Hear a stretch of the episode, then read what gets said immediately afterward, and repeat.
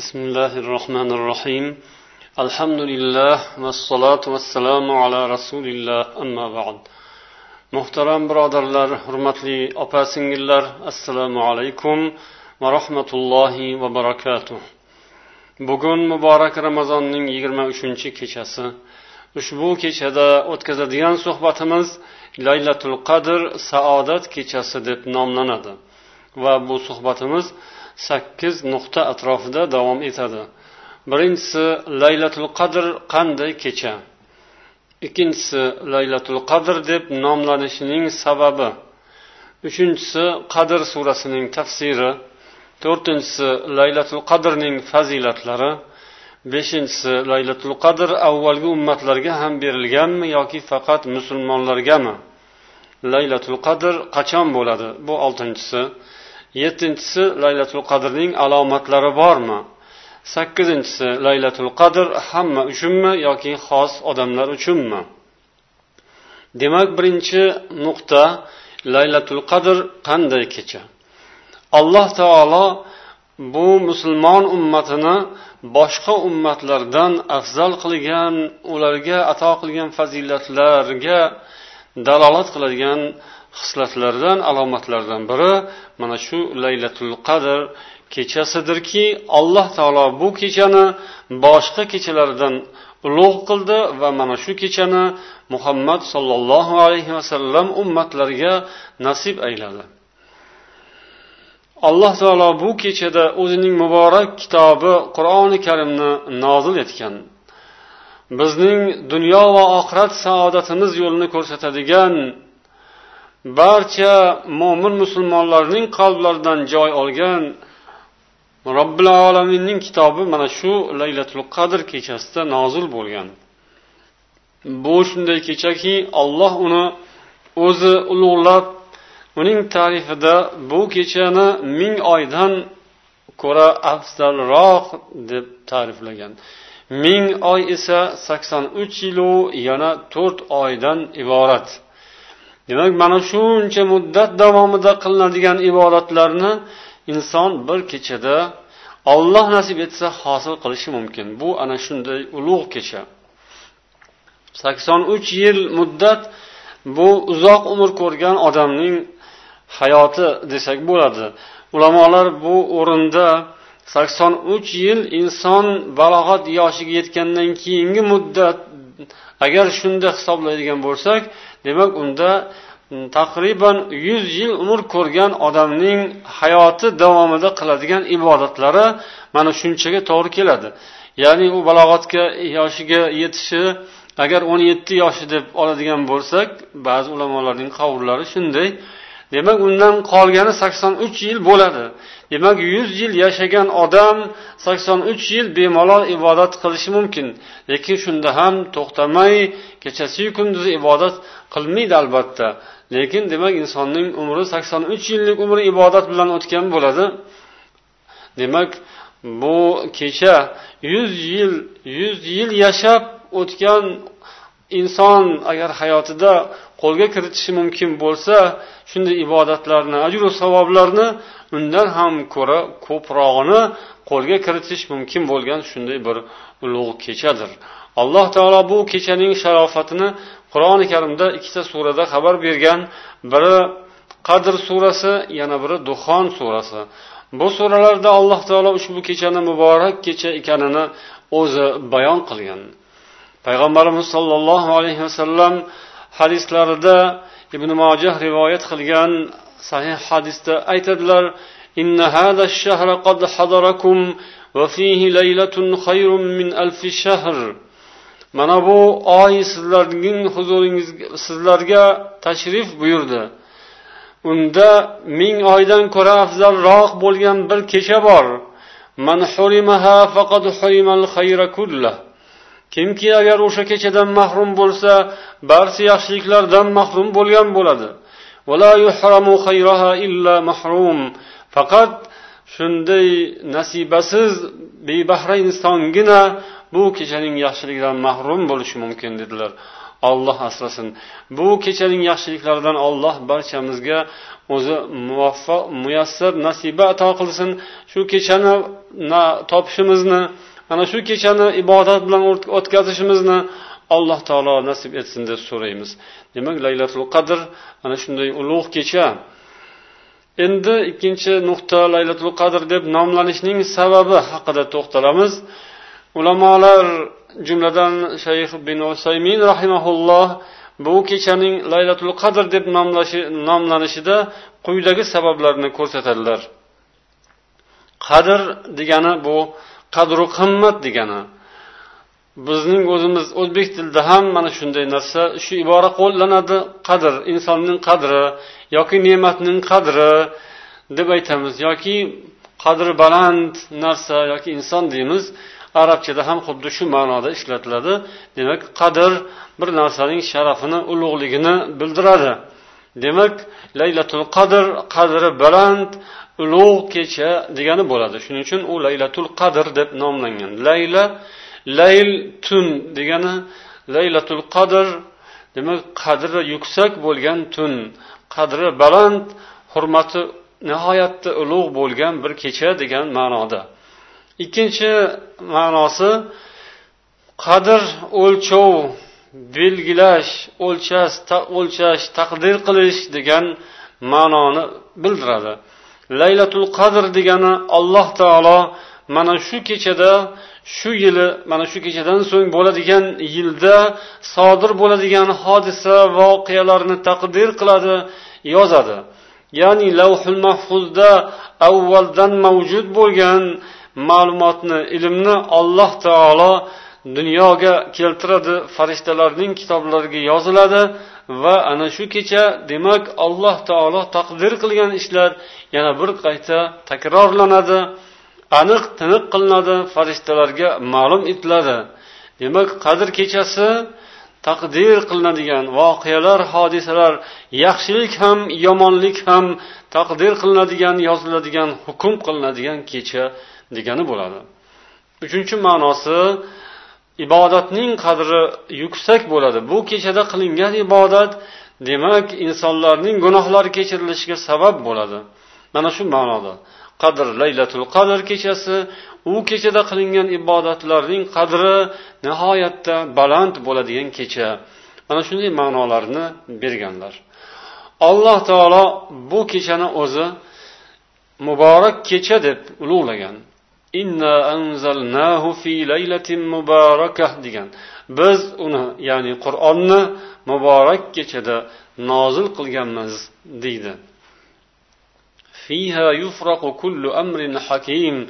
Bu kechada har bir hikmatli ish aniq bo'ladi ya'ni ajraladi.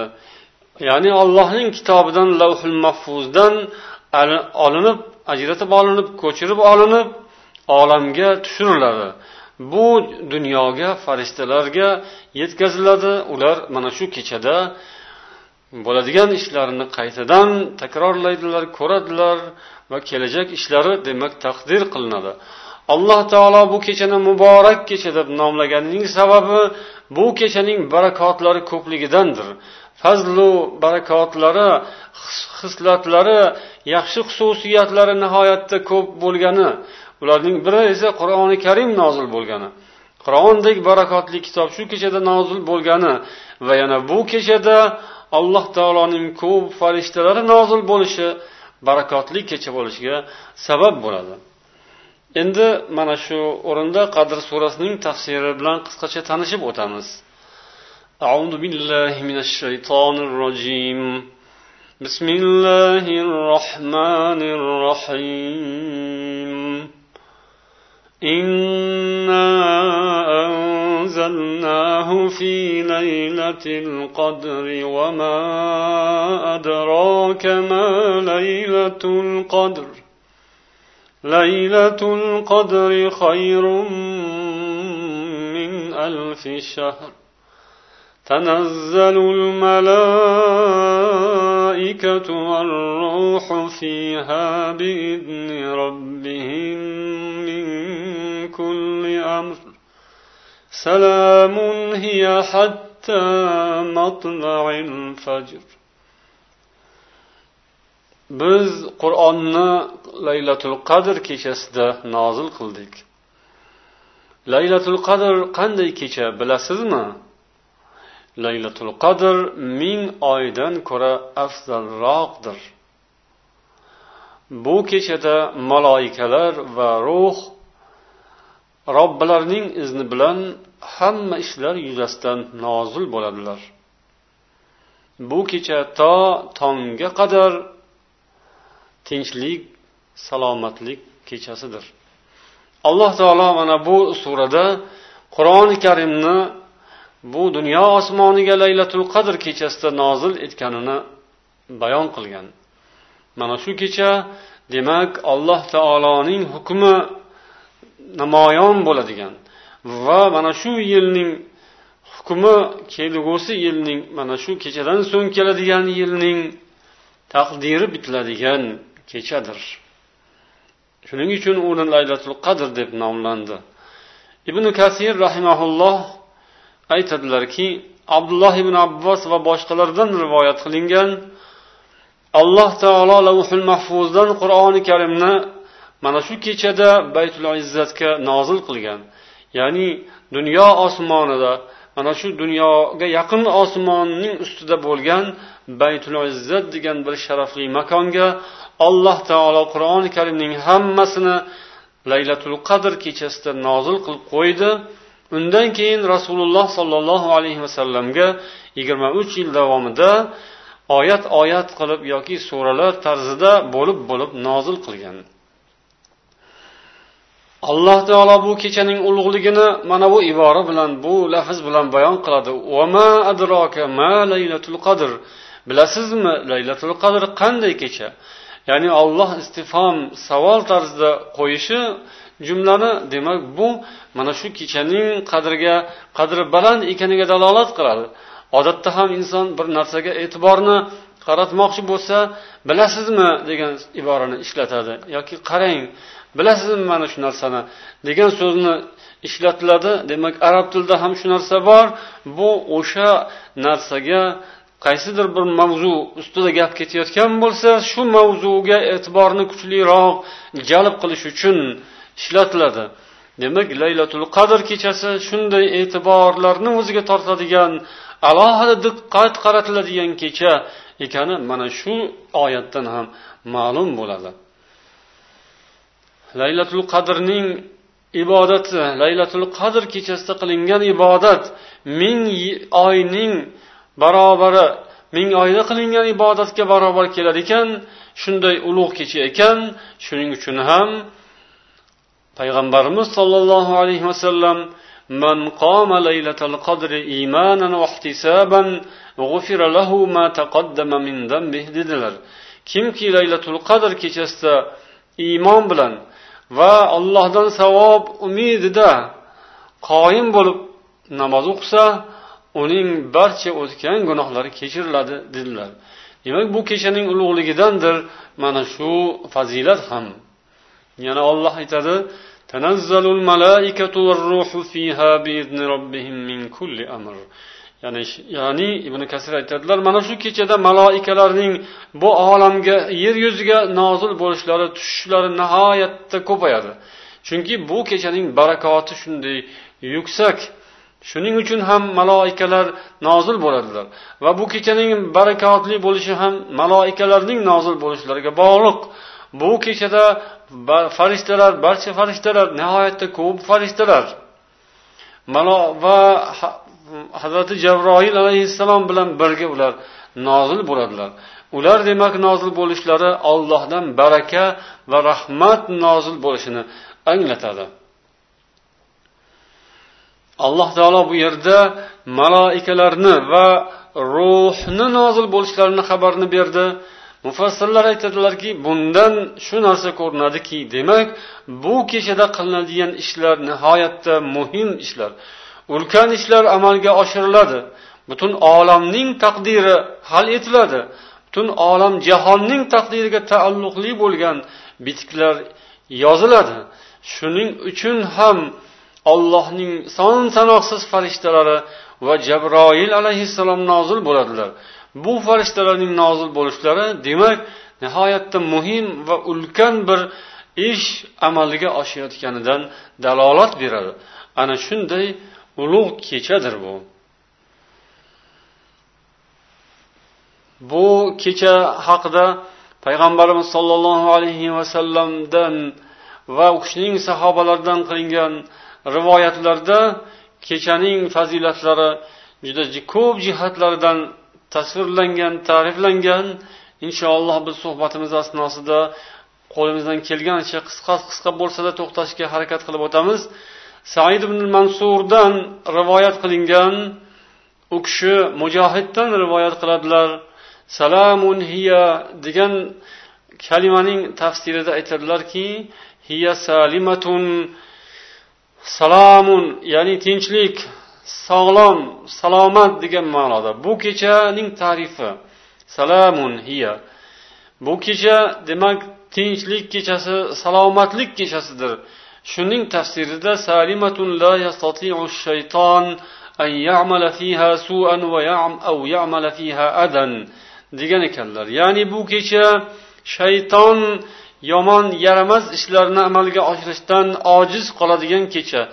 Bu kecha shaytonning jinoyatlaridan masiyat yaramas iflos ishlaridan yovuzliklaridan salomat bo'lgan kechadir degan ma'no berishgan.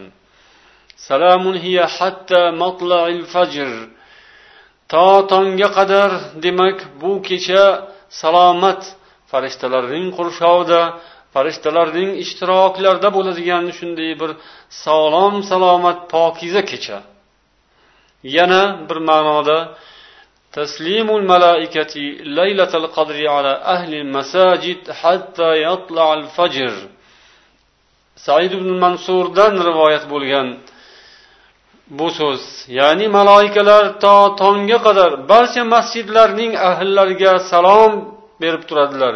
Salom va duolar yuborib turadilar. Demak farishtalarning salomlari yog'ilayotgan duolari yog'ilayotgan kecha salomat kecha omonlik kechasi shunday bir omonlik xotirjamlik gunoh va masiyatlardan va baloy ofatlardan salomat bo'linadigan kecha.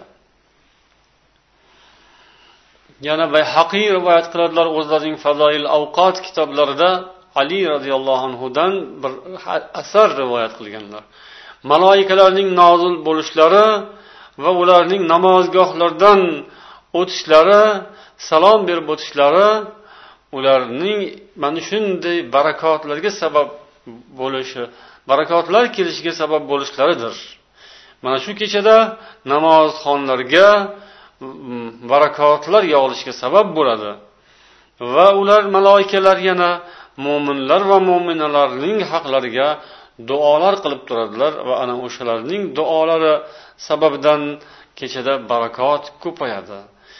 Yana salamun hiya bu kecha salomatlik kechasidir deganning yana bir ma'nosi bu kecha musulmonlar uchun mo'minlar uchun xavfu xatar daf bo'lgan kecha. Ya'ni alloh taolo jahannam azobidan juda ko'plab musulmonlarni ozod qiladigan kecha demak haqiqiy xavf jahannam xavfidan ozod bo'linadigan kecha salomatlik kechasi tinchlik kecha. To'rtinchi nuqta laylatul qadrning fazilatlari haqida alohida fikrlar. Demak bu laylatul qadr yuqorida o'tgan so'zlar ham shu kechaning fazilatlari haqida bo'layotgan edi. Bu o'rinda ba'zi ulamolar tomonlaridan bu kechaning fazilatlari sanalgani haqida aytib o'tmoqchimiz.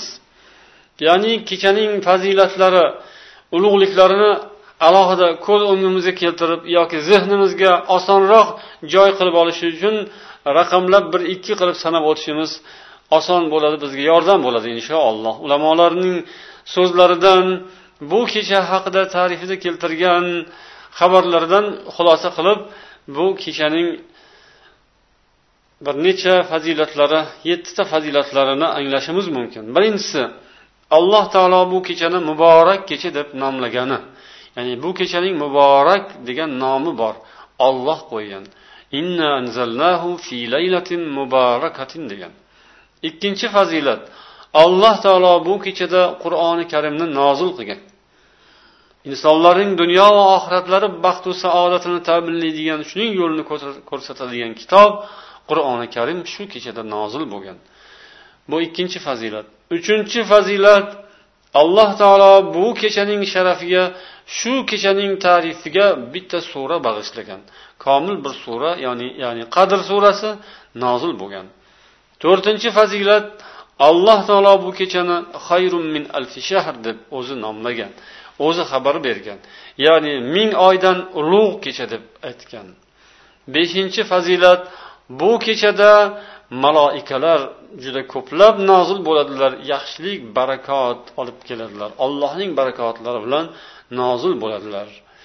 Hadislarda bu kechada nozil bo'ladigan maloikalarning sonlari qumlarning adadidan ham ko'ra ko'proq deyilgan. Alvoniy sahih deb tasnif qilgan hadisda mana shu ibora kelgan. Innal malaikata tilkal laylata fil ardi aksaru min adadil hasa. Oltinchi fazilat bu kecha yomonliklardan aziyatlardan xavfu xatarlardan ozod xoli bo'lgan kecha. Va bu kecha demak yaxshiliklar ko'payadigan solih amallar nihoyatda ko'p bo'ladigan. Shayton nihoyatda zaiflashib qoladigan kecha. O'zi shayton ramazonning hammasida ham zaiflashadi. Ayniqsa xosatan bu kechada shaytonlar nihoyatda xor bo'lgan zaif bo'lgan kuchsizlangan yaxshiliklar nihoyatda ko'paygan solih amallar ko'paygan darhaqiqat dunyo bo'yicha mo'min musulmonlar demak shu kechani qidirib izlab ibodatlarni ko'paytirishgan tilovatlar qur'onlar zikru tasbehlar bilan bedor bo'lishgan shunday kecha demak yaxshiliklar kechasi yomonliklar kam bo'lgan kecha. Bu oltinchi fazilat edi. Yettinchi fazilat insonning barcha o'tgan gunohlari kechirilishi. Demak shu kechada kimki shu kechaga muvaffaq bo'lsa uning barcha gunohlari kechiriladi bu haqda payg'ambar sollallohu alayhi vasallamning sahih hadislari o'tgan buni hammamiz eshitdik bildik alhamdulillah. Buning va'dalari bunga qilingan va'dalarga ham alloh barchamizni nasib etsin. Demak bu to'rtinchi nuqta laylatul qadr kechasining fazilatlari sanalgan o'rni edi. Beshinchi nuqta laylatul qadr avvalgi ummatlarga ham berilganmi yoki faqat musulmonlargami degan mavzu. Bu borada ulamolarning fikrlari bilan tanishamiz. Ulamolardan ba'zilar aytadilar masalan ibn usaymin laylatul qadr kechasi mana shu ramazonda bo'ladi. Alloh taolo bu kechani ulug' qilgan va bu ramazon avvalda ham bo'lgan va bu kecha demak avvalda ham bo'lgan avvalgi ummatlarga ham alloh taolo mana shu kechani ularda ham o'tkazgan. Shu kecha ularda ham mavjud bo'lgan lekin uning fazilatlari uning zikri ko'proq bu ummatga nasib bo'ldi. To qiyomatga qadar endi bu davom etadi deydilar. Va bunga imom ahmad rivoyat qilgan hadisni hujjat qilib keltiradilar. Abu zar roziyallohu anhu payg'ambar sollallohu alayhi vasallamga ya rasululloh axbirni an laylatil qadr ahiya fi ramazon am fi g'ayri dedilar. Yo rasululloh menga laylatul qadr haqida xabar bering u ramazon ichidami yoki boshqa oydami dedilar payg'ambarimiz bal hiya fi ramazon yo'q bu ramazon oyida deb javob berdilar keyin yana abu zar so'radilar تكون مع الأنبياء ما كانوا فإذا قبضوا رفعت أم هي إلى يوم القيامة bu kecha payg'ambarlar bilan birga mavjud bo'lib turadiyu ular vafot etganlaridan keyin ular bilan birga ko'tarilib ketadimi yoki qiyomatgacha qoladimi dedilar. Payg'ambar alayhissalom bal hiya ila yawmil qiyama dedilar. Yo'q bu kecha to qiyomat kunigacha davom etadi dedilar. Demak bu kecha avvaldan mavjud bo'lgan ammo uning fazilatlari mana shu musulmon ummatiga nasib bo'lgan dedilar olsaymin xuddi juma ham avvaldan ma'lum edi lekin bu jumaning fazilatiga nasorolar va yahudlar muvaffaq bo'la olmadilar. Nasorolar shanbani yahudiylar shanbani tanladilar nasorolar yakshanbani tanladilar mo'minlar musulmonlar esa jumani tanlaganlar. Va juma haqiqatdan ulug' kun edi haftaning eng ulug' kuni juma edi. Olloh bu kunni musulmonlarga nasib etdi. Xuddi shunga o'xshab laylatul qadr ham avvaldan mavjud edi lekin uning fazilatini olloh musulmonlarga nasib etdi deydilar. Ibn kasir aytadilarki ulamolar bu borada ixtilof qilishgan. Avvalgi qavmlarga ham bu bo'lganmi nasib bo'lganmi laylatul qadr yoki bu ummatning o'zining xos xususiyatlaridanmi bu borada demak ikki xil qavl borligini aytadilar. Biz yuqorida bitta qavlni aytib o'tdik. Bu ikkinchi qavl faqat musulmon ummatining o'ziga xos bo'lgan degan qavl bunga imom molik rivoyat qilgan hadisni keltiriladi. Rasululloh sollallohu alayhi vasallam ummatlarining umrlari ko'rsatildi u kishiga. Ya'ni o'zlaridan avvalgi o'tgan odamlarning ham umrlari ko'rsatildi va o'zlaridan keyingi keladigan odamlar ya'ni ummatlarning umri ham rasululloh sollallohu alayhi vasallamga ko'rsatildi. Shunda rasululloh o'zlarining ummatlarining umrlari boshqa ummatlarning umridan ko'ra qisqaroq ekan deb bildilar. Va qanday qilib endi bu qisqa umr bilan avvaldagi uzoq umr ko'rgan odamlar topgan savoblarni topib bo'ladi? Qanday qilib ular erishgan darajalarga mani ummatim erisharkin deb o'ylab qoldilar. Shunda alloh taolo u zotga mana shu laylatul qadr kechasini.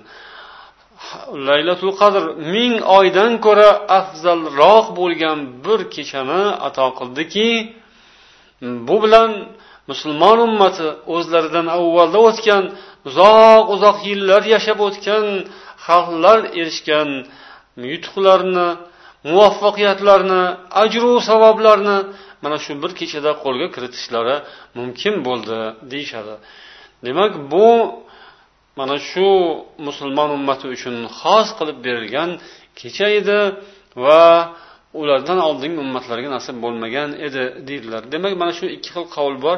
Nima bo'lganda ham demak birinchi qavlda ham bu kechaning fazilati avvalda ham mavjud ediku lekin xosatan musulmonlarga nasib bo'ldi.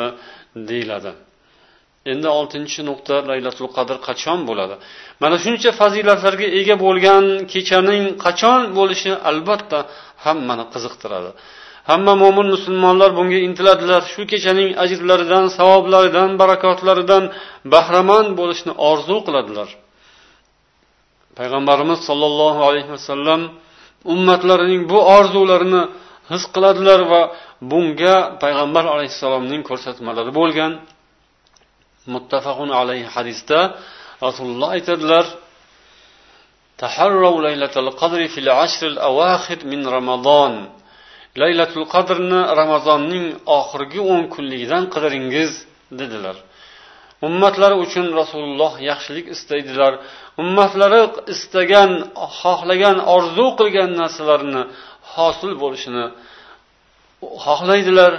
Shuning uchun u zot o'zlari bilganlaricha ummatga bu haqda xabar berganlar. Lekin aniq qat'iy tayin qilingan emas.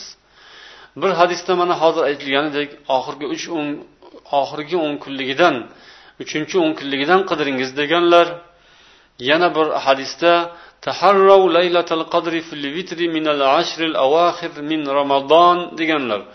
Laylatul qadrni ramazonning oxirgi o'n kunligining toq kunlaridan toq kechalaridan qidiringiz deganlar. Ravohil buxoriy yana mm, hadislarda boshqa kunlarni ham aytganlar. Lekin demak eng to'g'risi yaqinrog'i haqiqatga juda ham yaqin keladigani demak ramazonning demak yettinchi yigirma yettinchi kechasida deb aytilgan.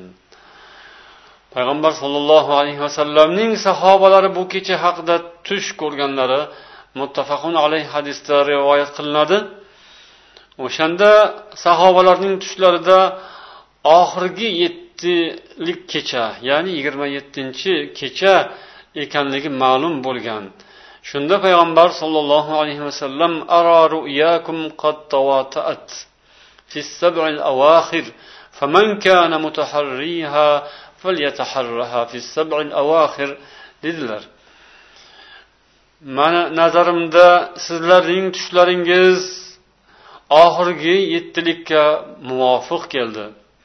Kimki laylatul qadrni qidirmoqchi bo'lsa oxirdagi yettilikdan qidirsin dedilar. yana muslim rivoyat qilgan hadisda ham iltamisuha fil ashril avaxir فإن ضعف أحدكم أو عجز فلا, يغل فلا يغلبن على السبع البواقي dedilar laylatul qadrni oxirgi o'n kunlikdan qidiringiz agar qaysi biringiz zaiflashib qolsa yoki ojiz bo'lib qolsangiz unda oxirdagi yettilikdan mag'lub bo'lib qolmang Oxirdagi yettilikdan siz mahrum bo'lib qolmang dedilar. Ya'ni oxirdagi yettilik yigirma yettinchi kechasidan hech bo'lmasa g'ofil bo'lib qolmang. O'sha narsani qo'ldan boy bermaslikka harakat qiling dedilar. Ubay ibn kabning hadislarida muslim rivoyat qilgan hadisda u kishi aytadilar vallohi la a'lamu ayyu laylatin hiya al-laylatu allati amarna rasululloh sollallohu alayhi vasallam biqiyamiha. Hiya laylatu sab'in va ishrin.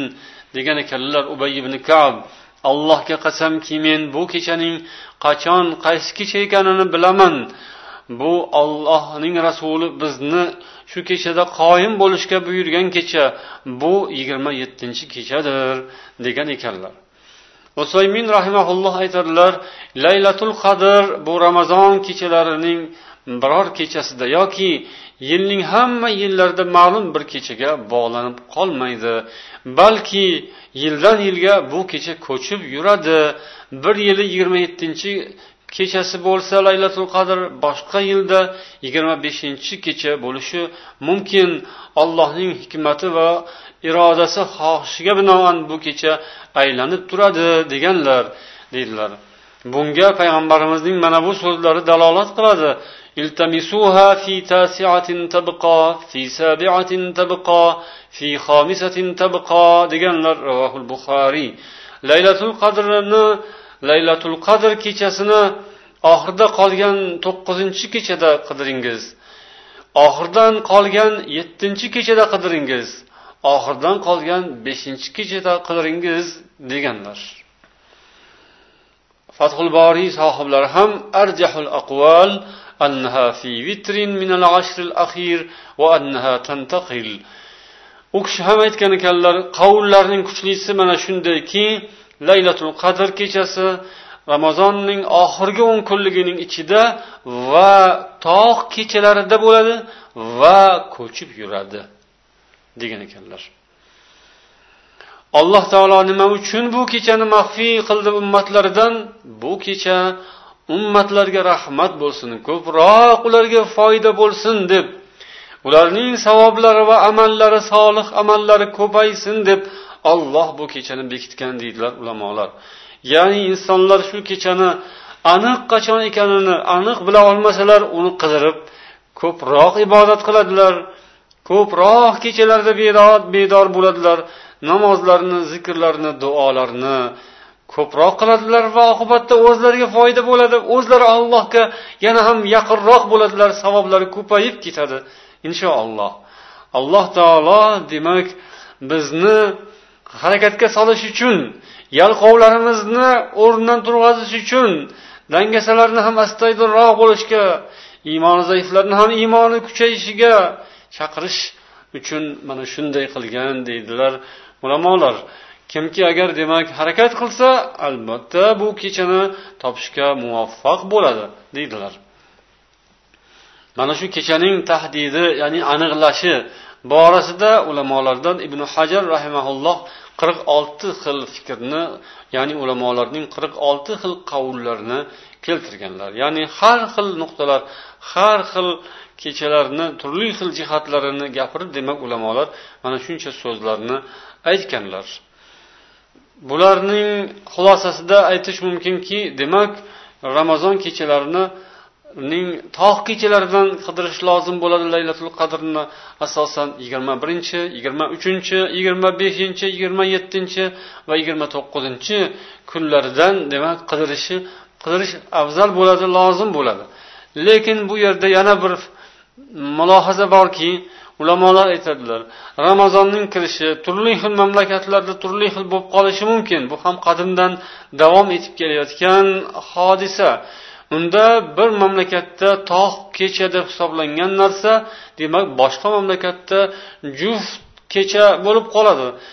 Buning ma'nosi nima? Bundan qanday xulosa chiqadi? Bundan chiqadigan xulosa shuki ehtiyot bo'ladigan odam demak astoydil kurashadigan odam demak ramazonning oxirgi o'n kunligining hammasini bedor o'tkazishga harakat qilishi yaxshi bo'ladi.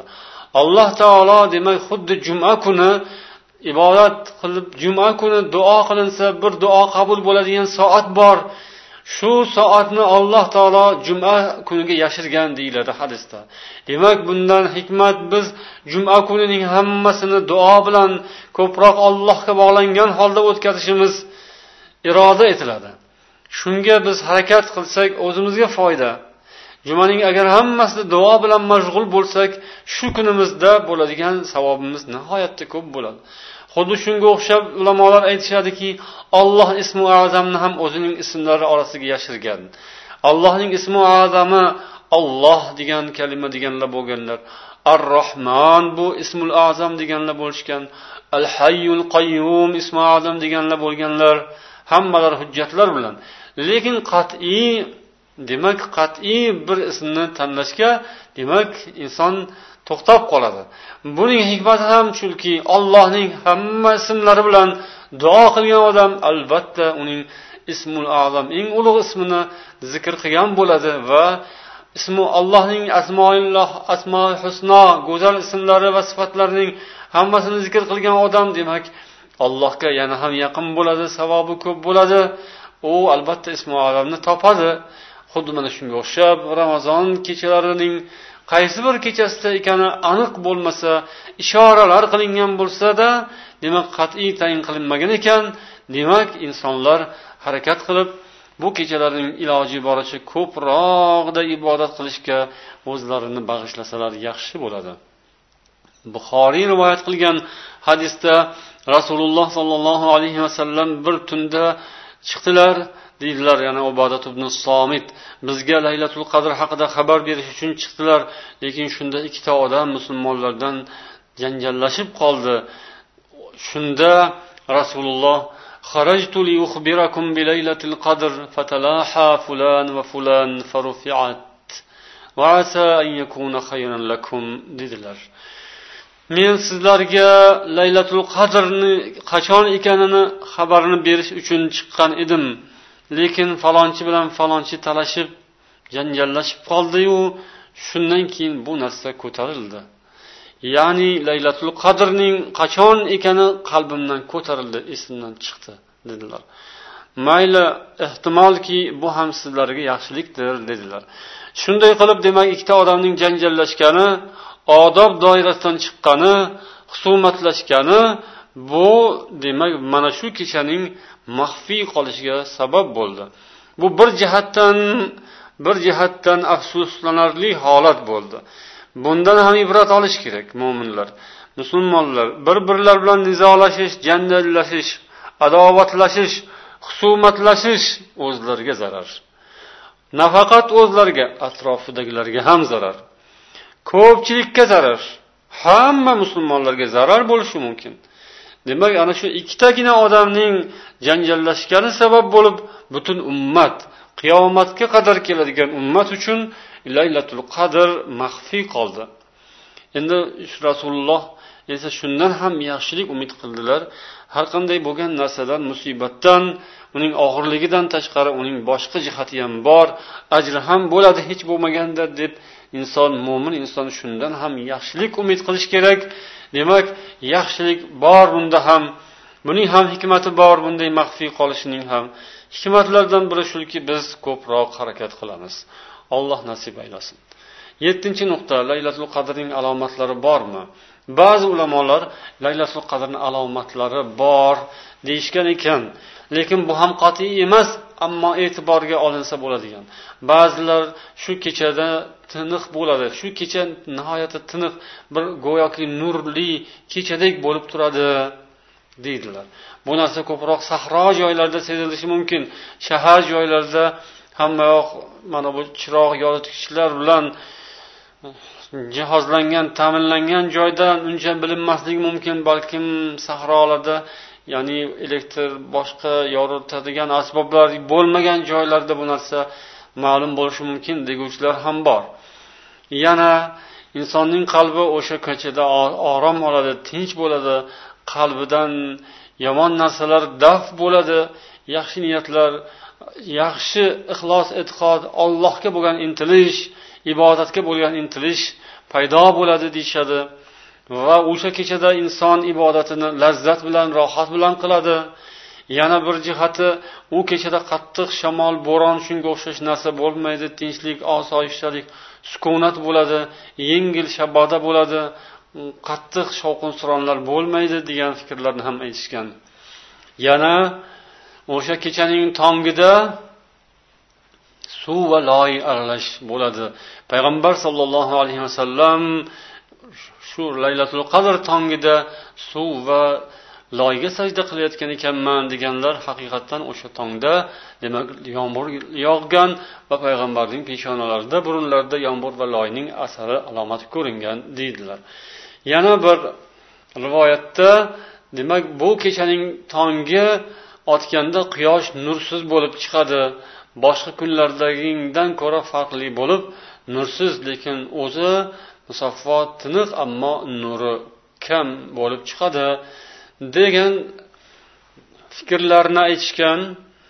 Lekin bu narsalarning qat'iy ekanini ta'kidlanmaydi ammo e'tiborga olinishi ehtimoli e'tiborli jihati bo'lishi mumkin e'tiborga olinishi o'rinli deb aytishgan. Yoki ba'zi bir insonlar laylatul qadr haqida tushlarida biror ma'lumotga ega bo'lishlari alloh ularga tushlarida ishora qilishi yoki bashorat berishi ham bu ham ehtimoldan xoli emas. Chunki sahobalar roziyallohu anhumga olloh bu narsani ko'rsatgani ulardan shunday rivoyatlar bo'lgani ma'lum. Lekin bularning barchasining xulosasi demak qat'iy qilib bo'lmaydi. E, qaysidir bir yilda balkim e, ma'lum bo'lishi mumkindir. Kimlargadir olloh xohlagan insonlarga demak ma'lum bo'lishi mumkin. Bu ham ehtimoldan xoli emas. Sakkizinchi nuqta laylatul qadr hamma uchunmi yoki xos odamlar uchunmi? Bu borada ulamolar aytadilarki um, bu borada ikki xil qavl bor. Ya'ni ba'zi bir ulamolar bu xos bo'lishi ham mumkin xos bo'ladi deb aytganlar. Ya'ni ba'zi insonlar uchun bu alohida ma'lum bo'ladi bilinadi. O'sha insonlar bu kechada shunday xotirjamlik bilan ibodat qiladilar savoblarni oladilar. Boshqalarga esa bu umuman ma'lum bo'lmasdan bilinmasdan o'tib ketadi. Boshqalar bundan bahra ololmasdan qoladilar degan ulamolar ham bo'lganlar. Ammo yana bir qavl balki shunisi kuchliroq aytishadiki bu kecha demak odam uni bilmasdan o'tkazsa ham ya'ni aniq shu kecha laylatul qadr kechasi ekaniga unda biror bir ishora alomat sezilgan bo'lmasa ham lekin o'sha kechani u ibodat bilan o'tkazgan bo'lsa bedorlik bilan o'tkazgan bo'lsa tilovatlar bilan namozlar bilan chiroyli o'tkaza olgan bo'lsayu o'sha kechaning laylatul qadr ekanini bila olmay qolgan bo'lsa zarari yo'q. Chunki bu odamga ham demak o'sha ixlosiga yarasha olloh albatta ajr beradi. Buni albatta bilish shart qilinmagan islomda o'sha kechani topib mana man laylatul qadr topdim degan narsani gapirib yurish shart qilinmagan yoki shuning uchun bu kecha joriy qilingan emas. Balkim inson agar taqvo bilan ixlos bilan ibodat qiladigan bo'lsa u o'sha kechadan bahramand bo'lgan bo'lishi mumkin. Demak yaxshi niyat qilib yaxshi umid bilan bo'lishi kerak inson. Yana ulamolar aytishadiki agar kechani ba'zi bir odamlar uchun aniq bo'ladi o'shalarga nasib bo'ladi boshqalarga bilmaganlarga nasib bo'lmaydi degan qovul bo'lsa buning noto'g'ri tomoni shuki odamlar mana shunday narsani ushlab oladilar va ba'zi bir narsalarni o'zlaricha gapirib yuradilar. Mm, palonchiga alomati sezilibdi pistonchi bilibdi bir nur ko'ribdi yoki mm, tushida ma'lum bo'libdi. Demak o'sha odam uchun laylatul qadr bo'libdi laylatul qadrni o'sha odam topibdi degan gaplar yurishi yoki kimdir o'zicha man laylatul qadrni topdim degan gaplarni gapirib yurishi demak bu riyoga ham o'tadi va odamlarni to'g'ri yo'ldan chalg'itib yuboradi. Ya'ni shu narsaga erishmagan odamlar umidsizlikka tushib ha endi bizga masakanda degan xayolga borishlari bu demak noto'g'ri narsa. Demak laylatul qadr inson uchun sezilmasdan o'tishi ammo o'sha odam o'sha kechada katta ulug' savoblarga ega bo'lgan bo'lishi mumkin ekan. Alloh taolo barchamizga mana shu oyning hurmatlarini chiroyli bajo qilishni nasib aylasin. Laylatul qadrning sharofatlaridan bahramand bo'lishimizni ollohdan so'raymiz. Olloh bizga o'zi muyassar aylasin. Subhanakallohumma va bihamdik. Ashhadu an la ilaha illa anta astag'firuk va atubu ilayk assalomu alaykum va rahmatullohi va barakatuh